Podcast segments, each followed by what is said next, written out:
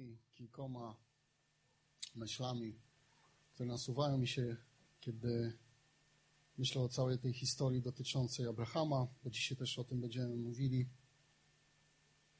E, tak się zdarza, że e, ostatnimi czasy dosyć mocno gdzieś doskwiera mi to i patrzę na, na to, co się dzieje gdzieś dookoła mnie. Nie mówię tutaj o polityce, jestem daleki od tego, ale mówię ogólnie o świecie.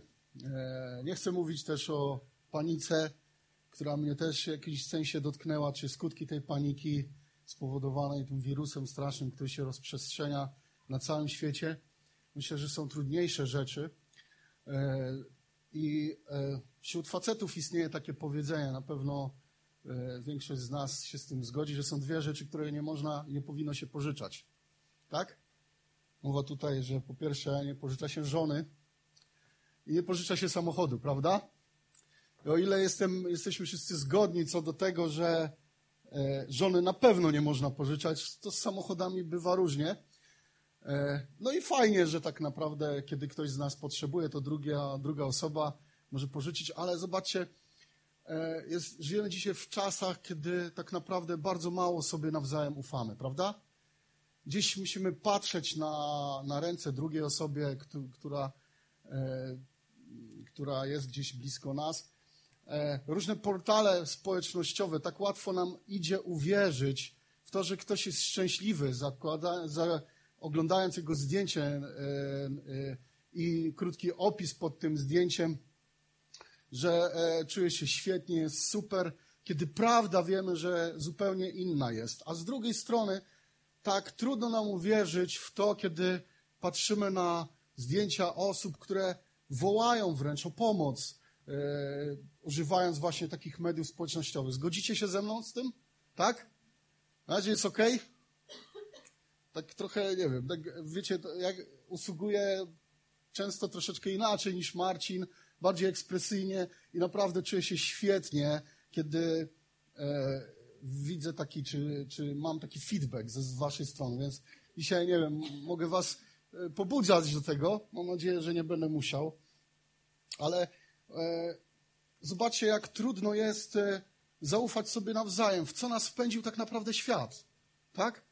Technologia i wszystko, co nas otacza, wpędza nas w taki brak zaufania do siebie samych, do, do, do siebie samego. Wiecie, to już tak nawet już nie działają na nas jakieś opinie, które znajdujemy zresztą w necie. Chcemy coś kupić, coś fajnego, mamy, że tak powiem, ograniczone, ja tak mam, no, powiem, e, ograniczone takie zaufanie do tego, co tam widzę. Zazwyczaj jak widzę coś, coś fajnego, to i tak muszę pójść do sklepu, żeby, że tak powiem, e, pomacać to, zobaczyć, przymierzyć i wtedy jestem pewien, okej, okay, dobra. Wiem, że wiele dziewczyn tutaj, czy kobiet, tak, e, działa zupełnie inaczej, że jak już coś widzi, to może to zamówić, później dostaje, później płacimy duże rachunki, niekoniecznie te e, paczki do nas trafiają, czy trafiają do naszych, naszych kobiet.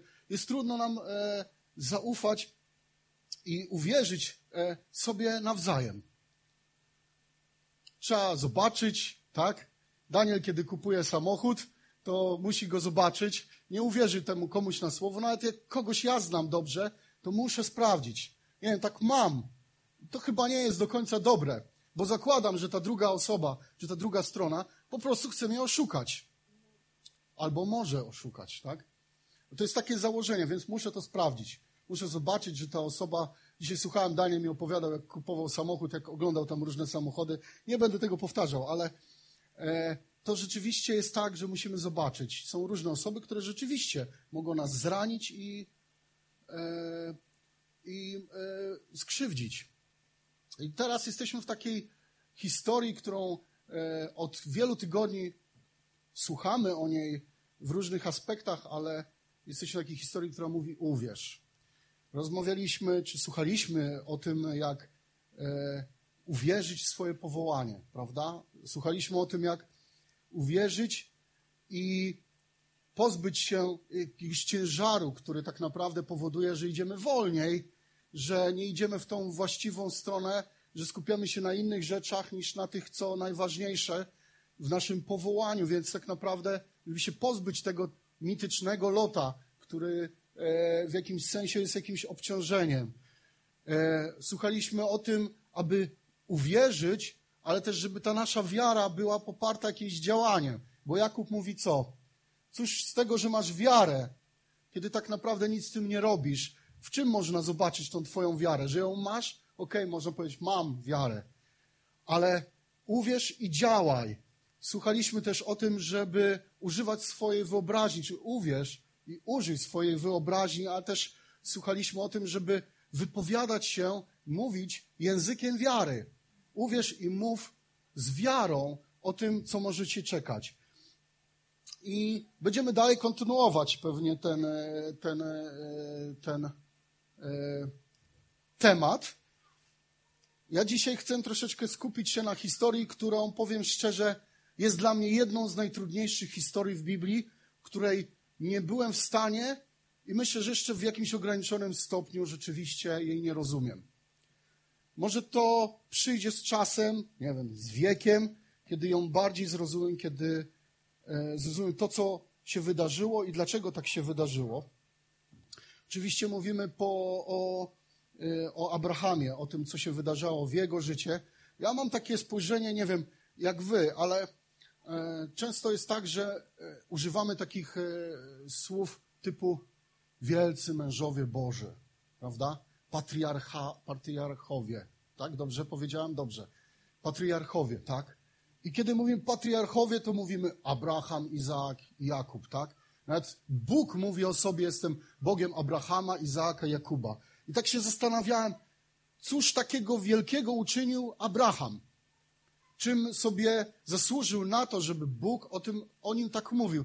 I wiecie, przyglądamy się jego życiu krok po kroku, patrząc na to, co, co się działo, i tak naprawdę sobie myślę, Abraham nie został powołany do tego, żeby być wielkim przywódcą wojskowym na przykład, tak? On też nie poprowadził całego narodu, tak jak Mojżesz, poprzez Morze Czerwone, tak, do Kanaanu. On nie był jak Dawid, on nie był jak Jozue, który wchodził do, e, do Kanaanu i zdobywał tą, e, tą całą, tą całą, tę całą krainę, ten, ten kraj, E, bo Bóg im go dał. On nie był jak Kaleb, który mimo swojego wieku powiedział, będę szedł i mimo tego, że dzisiaj mam 80 lat, to dalej mam te same siły, co 40 lat temu. I wziął największe góry, żeby zdobyć te najtrudniejsze, najtrudniejsze miejsca. On taki nie był. I tak się zastanawiam, Abraham tak naprawdę był zwykłym facetem. Jedno go może wyróżniało, że się urodził w bogatej rodzinie. Był bogaty. Bóg błogosławił jemu, błogosławił jego rodzinie. Wiele rzeczy mogło się wydarzyć. Abraham wyrastał w takim poczuciu tego, kim naprawdę jest Bóg. On widział to, dlatego że, nie wiem czy wiecie, jak ja sobie czasem zadaję taki trud i liczę sobie te lata wszystkie, od różnych wydarzeń do początku, kiedy ktoś się urodził. Nie wiem, czy wiecie, ale Abraham e, żył, czy urodził się, jak jeszcze żył sam, Sem, Set. Dobrze mówię? Syn Noego. Tak? E, on słyszał od swojego wujka, od swojego dziadka, pradziada, czy jak to tam nazwać, to było 300 lat wcześniej, ale czytamy o tym, że Set e, żył jeszcze 500 lat po tym, jak urodził Nachora, który później był E, tam którymś z kolei, że tak powiem, potomku, potomkiem e, Abrahama. I fajne jest, e, i fajne jest, fajne jest to, że kiedy sobie poskładamy te wszystkie lata, to się okazuje, że kiedy Abraham się urodził, to Set żył jeszcze 200 lat. Więc on to wszystko tak naprawdę znał. Znał z opowieści swojego pradziada, co się wydarzało, co Bóg czynił wielkiego kiedy przyszedł potop. Ale nie wiem, czy wiecie, ale Set, kiedy urodził się, kiedy rodził swoje pierwsze dziecko, miał 100 lat.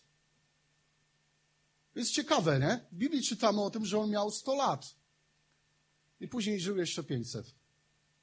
Jest ciekawe, że, że tak naprawdę e, nawet zmagając się z tym problemem dotyczącym urodzin Izaaka, mógł spotkać się ze swoim pra, pra, pra, pra, pra, pra, pra, pra, pra, pra, pra, pra dziadem, który mówił, stary, spokojnie.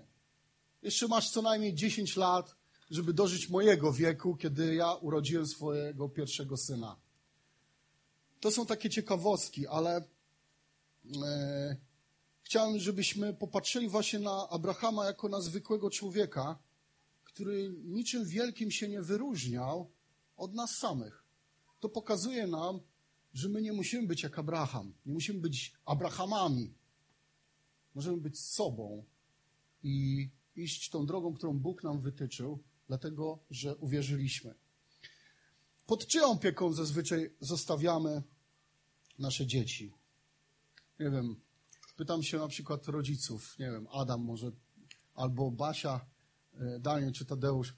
Chcecie się wybrać do kina, tylko we dwoje. Fajny film, tylko dla dorosłych. I, I teraz chcecie się wybrać do kina i komu zostawicie swoje dzieci? Przecież nie zostawicie e, swoich dzieci pierwszemu lepszemu, pierwszej lepszej osobie. Musicie kogoś znać. Musicie wiedzieć, jaki on jest. Czy on się rzeczywiście, czy ona rzeczywiście się nadaje. Zazwyczaj to jest tak, że zawozimy do rodziców, prawda? A, dziadkowie, rodzice i o, fajnie jest. Tam, oni mogą się zająć, wiadomo, babcia, dziadek znają y, nasze dzieci. I tak jest, kochani, że aby komuś uwierzyć, wyobraźcie sobie, że na, na, na, na, na, przed sklepem, tak? Wyobraźcie sobie taką sytuację. Taszczysz wózek, pchasz przed sobą, masz dwie jeszcze torby, ledwo ten brzuszek, jak masz dobry brzuszek, tak jak ja, to na, na pewno ci się udaje normalnie to popchnąć. Jest takie odepchnięcie i, i nagle podchodzi do ciebie osoba nieznajoma całkiem i mówi, wie pan co, e, jeżeli pan ma problem, to ja pana dzieci popilnuję tutaj, niech pan idzie sobie zrobić zakupy, nie ma problemu, nie? Byłbym skończonym idiotą, gdybym powiedział, okej, okay, dobra, możesz popilnować.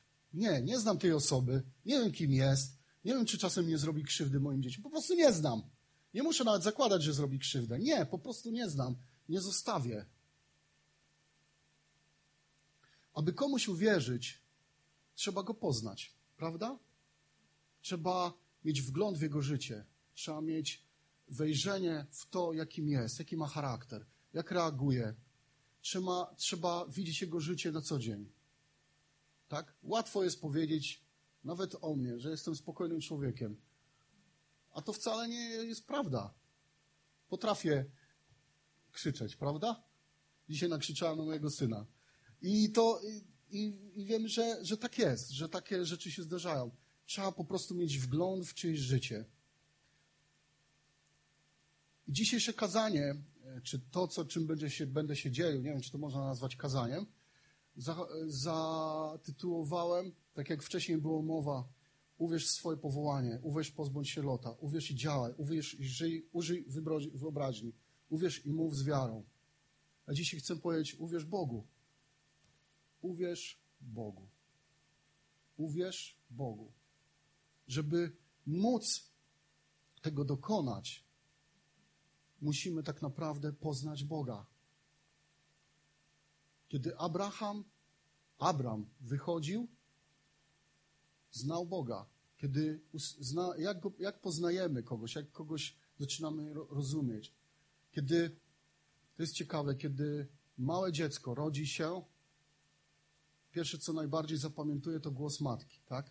Bo słyszy je, kiedy jeszcze jest w brzuchu. Kiedy jeszcze jest wewnątrz. Po głosie poznaje swoją mamę. Tatę poznaje trochę inaczej. Tata też mówi. Czasem, e, dobra, nieważne. E, poznajemy po głosie. Jak mamy poznać Pana Boga? Słuchając Jego głosu, ucząc się Jego głosu, ucząc się tego, co do nas mówi, o czym mówi, w jaki sposób mówi. Jak mam Tobie, Boże, ufać, jeśli Cię nie znam? Abraham myślę, że chciał poznać Boga. I dzisiaj chcę przyjrzeć się takiej najtrudniejszej e, z rzeczy, która mm, przydarzyła się Abrahamowi.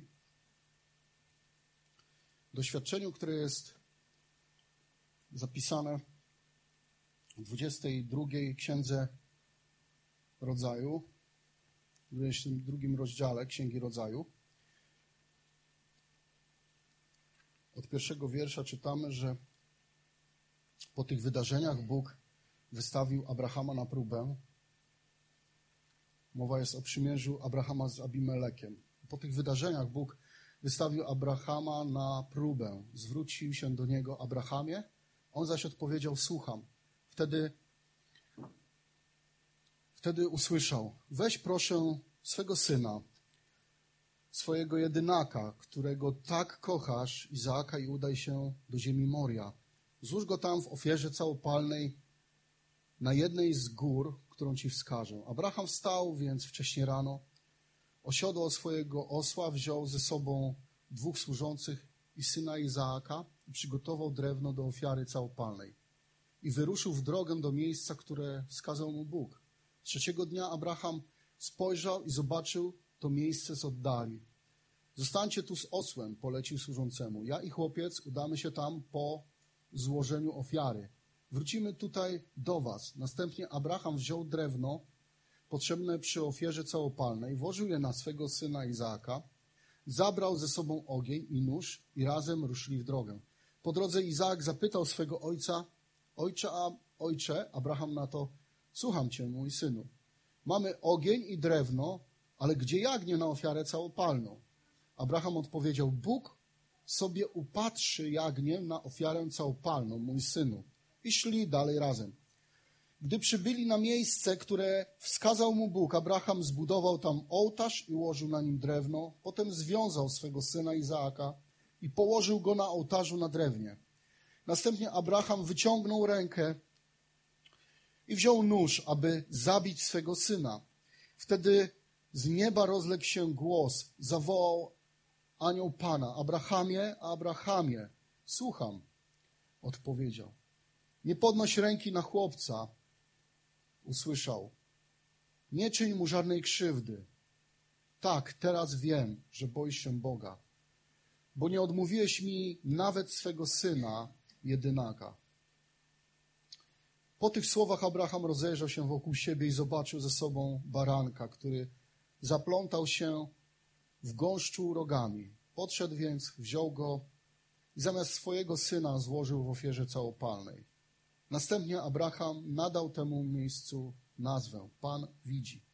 Dlatego do dnia dzisiejszego mówi się na górze Pana widać wszystko. Anioł Pana znów przemówił do Abrahama. Przysięgam na siebie samego, oświadczył Pan, ponieważ nie odmówiłeś mi swego syna, swojego jedynaka, będę Ci szczególnie błogosławił i obficie rozmnożę Twoje potomstwo, niczym gwiazdy na niebie i niczym piasek nad brzegiem morza. Twoje potomstwo zwycięży swoich wrogów. W Twoim też potomstwie błogosławić cię, się będą wszystkie narody ziemi, za to, że byłeś mi posłuszny.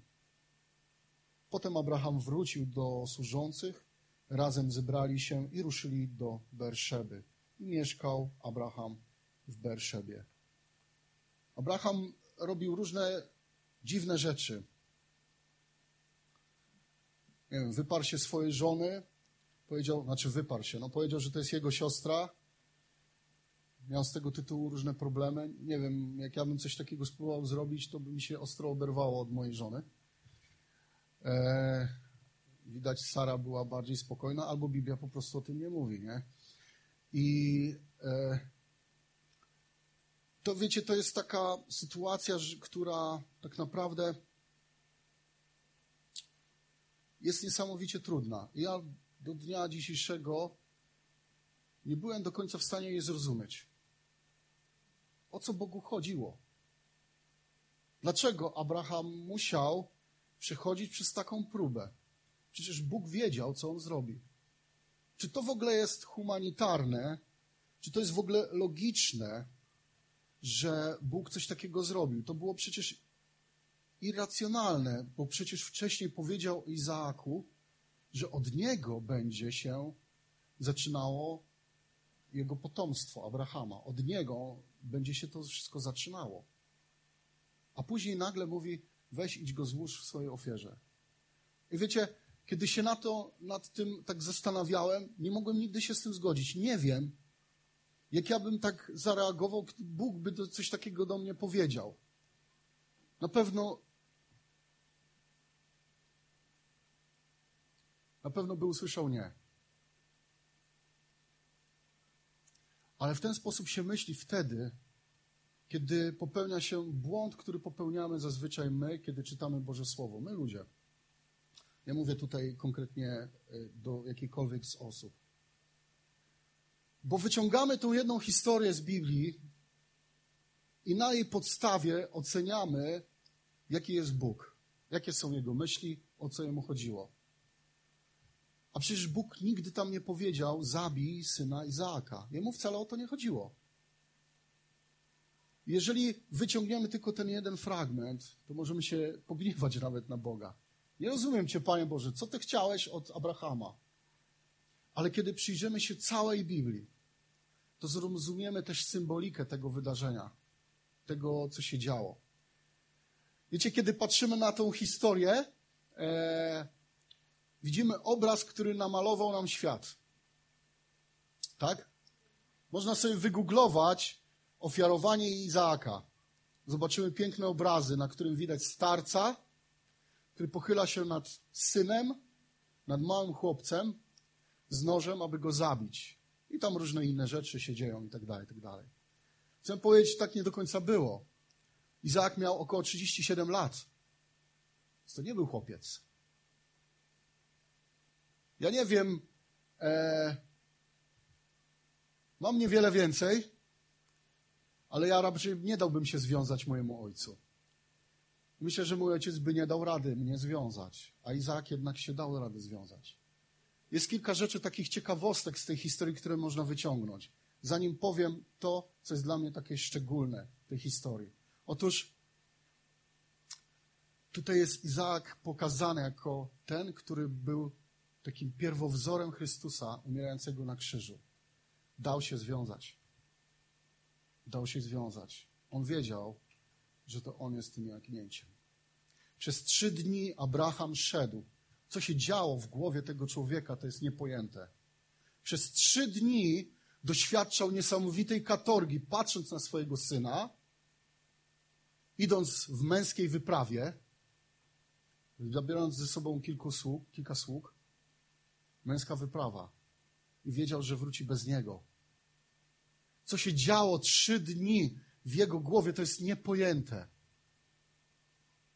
To jest niepojęte. Bóg oddał swojego syna i cierpiał, patrząc na to, jak umiera. Trzy dni Chrystus leżał w grobie, zanim zmartwychwstał. Trzy dni. Góra, na której został ofiarowany Izaak, to jest góra Moria. To jest góra, prawdopodobnie na której umierał Chrystus. Chrystus, który dał się związać, nic nie odpowiedział, szedł na górę w milczeniu, jak owca na rzeź prowadzona. Tak samo Izaak. Tak samo Izaak. Dlaczego to jest ważne, zaraz wam powiem.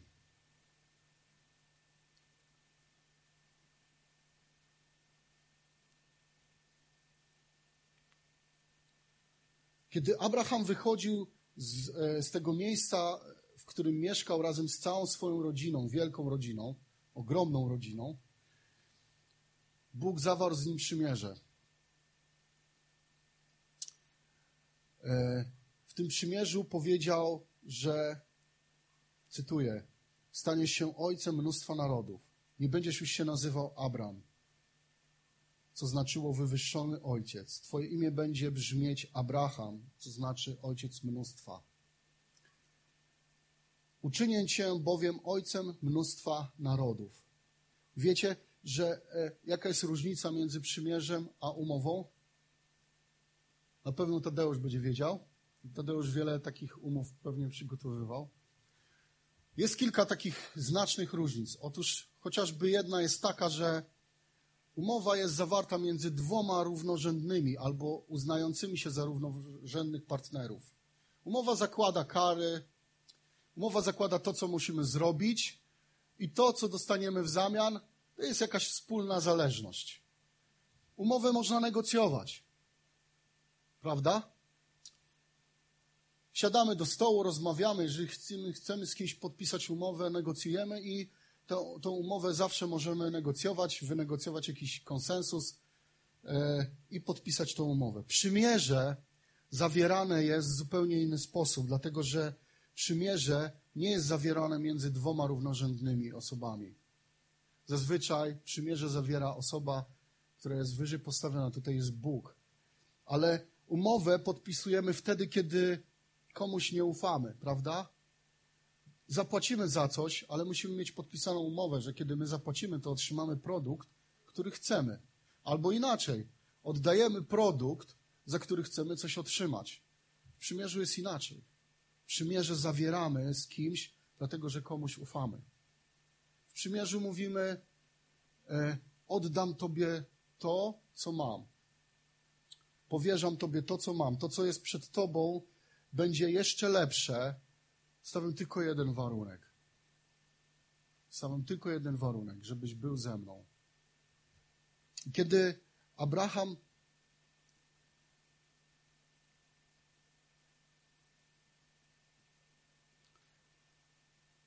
Kiedy Abraham stał e, przed Panem Bogiem w pierwszej księdze Mojżeszowej, 17 rozdział, pierwszy wiersz, Bóg powiedział do niego jedną rzecz. Żyj blisko mnie.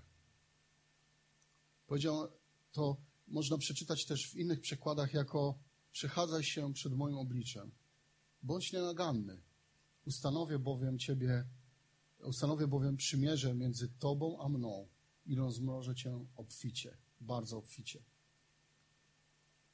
Więc tak naprawdę to, co Bogu chodziło najbardziej, to to, żeby Abraham był z nim, żeby go poznawał. Jak można poznać Pana Boga? O tym już króciutko mówiłem. Możemy go poznać poprzez chociażby Jego słowo, poprzez przebywanie z nim. Czy to jest war, warte tego, czy ktoś może powiedzieć, ok, Jacek, ja chcę poznać Boga, może już Go znam, może to wystarczy. Ale dla nas największym szczęściem, jedynym szczęściem i zrozumieniem naszego życia jest to, żeby być blisko Boga. Nie ma dla nas innej drogi. Psalmista w 73 psalmie, 28 wierszu mówi Moim szczęściem jest być blisko Boga. Wiecie, kiedy Bóg przechodził przez swoje życie, e, Abraham przechodził przez swoje życie, prowadzony przez Boga, doświadczał różnych rzeczy, prawda? Jak zwrócimy na tę sytuację uwagę szczególnie, to zobaczymy, że one były zróżnicowane od najmniejszego do najtrudniejszych. Czym dalej szedł z Panem Bogiem w relacjach, tym trudniejsze rzeczy przeżywał. I kulminacją było ofiarowanie swojego syna.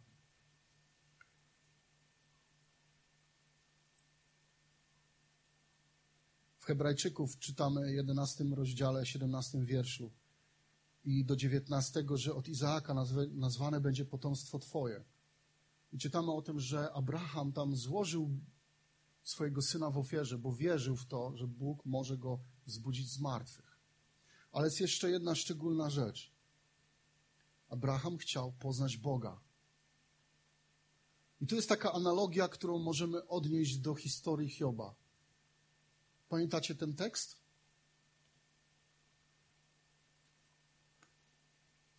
Czterdziesty drugi rozdział. Kiedy Job wypowiada się do Boga. Wiem, że Ty możesz wszystko. I żaden Twój zamysł nie jest dla Ciebie zbyt trudny. Zapytałeś, kim jest ten, który zaciemnia mój plan, nie mając o nim pojęcia. To ja. Wypowiadałem się bez zrozumienia. Twe plany są dla mnie zbyt wielkie. Właściwie nic o nich nie wiem. Powiedziałeś, posłuchaj proszę, a ja będę mówił. Będę cię pytał, a ty mnie pouczysz. I teraz słowa, które łamią. Otóż wiedziałem o tobie tylko ze słyszenia, a teraz zobaczyłem cię twarzą w twarz. Kiedy poznajemy Boga, kochani? Co musiał przeżyć Job, żeby wypowiedzieć te słowa? Najtrudniejsze chwile w swoim życiu. Musiał stracić swoje, swoją żonę, swoje dzieci, swoją majętność, swoje zdrowie. Poważanie to już tam trudno. I tak dalej. stracił wszystko i mówi w tym momencie, dopiero teraz poznaję, jakim jesteś. Wcześniej znałem Cię tylko ze słyszenia, ale wszystkie doświadczenia w moim życiu pokazały mi, jakim jesteś. Kim jesteś? Bo w tych wszystkich doświadczeniach byłeś ze mną. Nigdy mnie nie opuściłeś. Kiedy poznajemy Boga? Kiedy możemy powiedzieć, że On tak naprawdę jest bardzo blisko mnie? Kiedy? Wtedy, kiedy naprawdę Jego nam brakuje. Wtedy, kiedy doświadczamy e, tak trudnych doświadczeń, tak trudnych sytuacji, że nie potrafimy sobie z nimi poradzić. Wtedy doświadczamy Bożej miłości, Bożej obecności. Wtedy, kiedy nie mamy już do kogokolwiek innego pójść, wtedy doświadczamy Bożej obecności w swoim życiu w sposób nadnaturalny, ponadnaturalny. Wtedy, kiedy naprawdę już brak nam jest sił, kiedy padamy, kiedy nasze ramiona opadają, wtedy możemy doświadczyć Bożej obecności i poznać, kim naprawdę jest Bóg, jaki On jest. Abraham chciał poznać Boga. I Bóg powiedział do niego: Zobaczysz i poznasz, jak, ile ja będę musiał wycierpieć, oddając swojego syna na krzyżu. To uczynił Abraham. To tego doświadczył. Doświadczył tego, czego doświadczył Bóg, oddając swojego syna jednorodzonego, bez grzechu, niczemu niewinnego. Izaak był czemuś winien? Nie. Ale poszedł i oddał życie. Abraham je złożył w ofierze Bogu. I wtedy Bóg wypowiada te słowa. Teraz wiem. To nie znaczy, że Bóg wcześniej nie wiedział. Dzisiaj możemy powiedzieć, teraz my wiemy. Teraz my wiemy.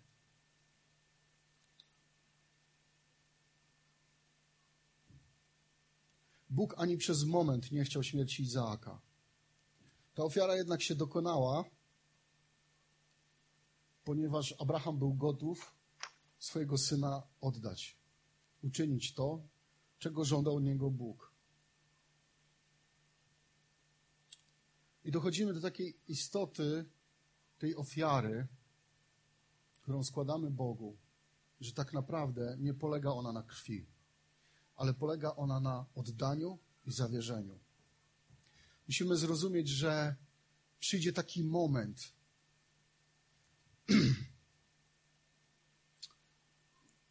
że będzie musiało się skończyć nasze absolutne bezpieczeństwo, kiedy Bóg wystawi na próbę mnie i moją relację z Nim. Czasem jest tak, że musimy doświadczyć wręcz takiego szaleństwa, żeby zrozumieć i zobaczyć, jaki jest Bóg. Kiedy oddajemy wszystko, kiedy od, od, odpuszczamy. Jesteśmy ludźmi, którzy, którzy ciężko odpuszczają, prawda? Wierzymy w to, że wiele rzeczy od nas zależy i musimy to, i, i wiele rzeczy możemy zrobić. Jeszcze nie wszystko stracone. Jeszcze coś mogę zrobić. Jeszcze coś mogę zrobić. Jeszcze coś mogę uczynić. Możemy zrozumieć i poradzić sobie z pytaniem, które rzucamy często do Boga: dlaczego mnie tak próbujesz? To za dużo dla mnie. Przez tą ofiarę, którą złożył Abraham, możemy zrozumieć, że nasza wiara nie polega na tym właśnie, że będziemy grzecznie wykonywać przykazania, które Bóg nam powierzył. Musimy, zrozumiemy, że to nie, to nie jest powód do tego, że Bóg będzie nam błogosławił spokojnym życiem wtedy. Będziemy spokojni. Nie, jeżeli pragniemy prawdziwej relacji, kochani, z Bogiem, to niestety nie ma innej drogi, jak ta, która mówi, że będziesz musiał przejść przez trudne sytuacje i że Twoje poczucie bezpieczeństwa będzie zachwiane. Totalnie zachwiane.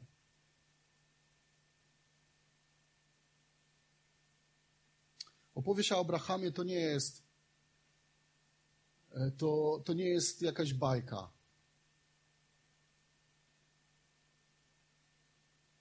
To jest wezwanie do tego, żeby skoczyć na głęboką wodę. Na to, że zmagamy się ze swoją wiarą. Na to, że zmuszamy się do pewnego braku komfortu.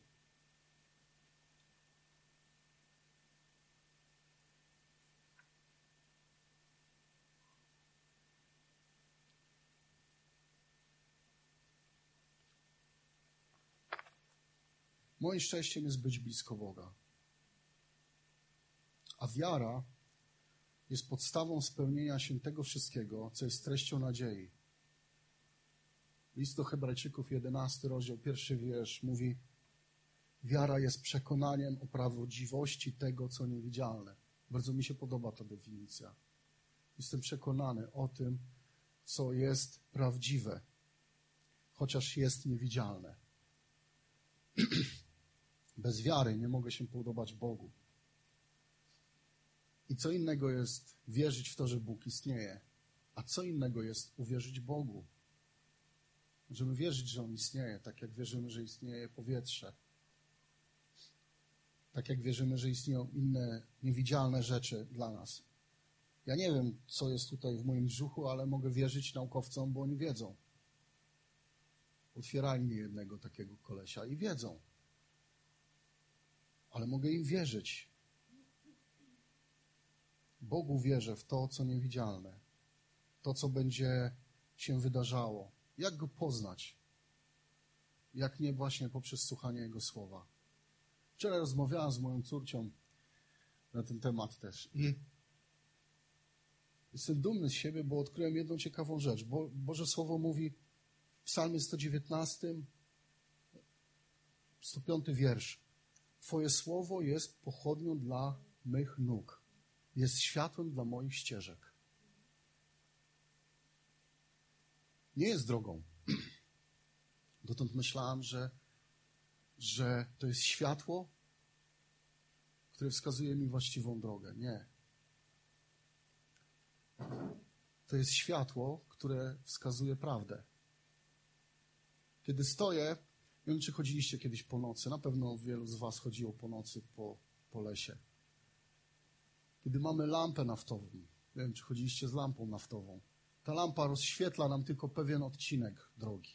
Dwa, trzy, może cztery kroki.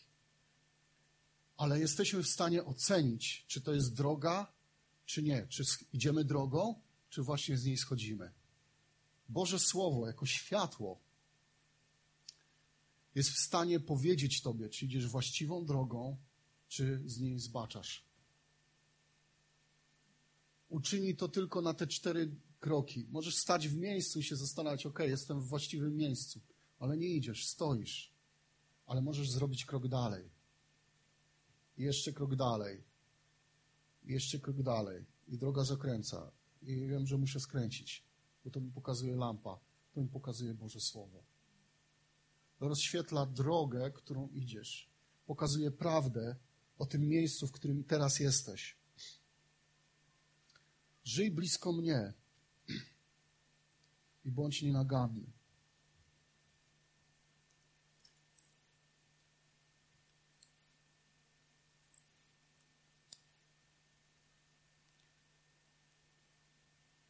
Uwierz Bogu.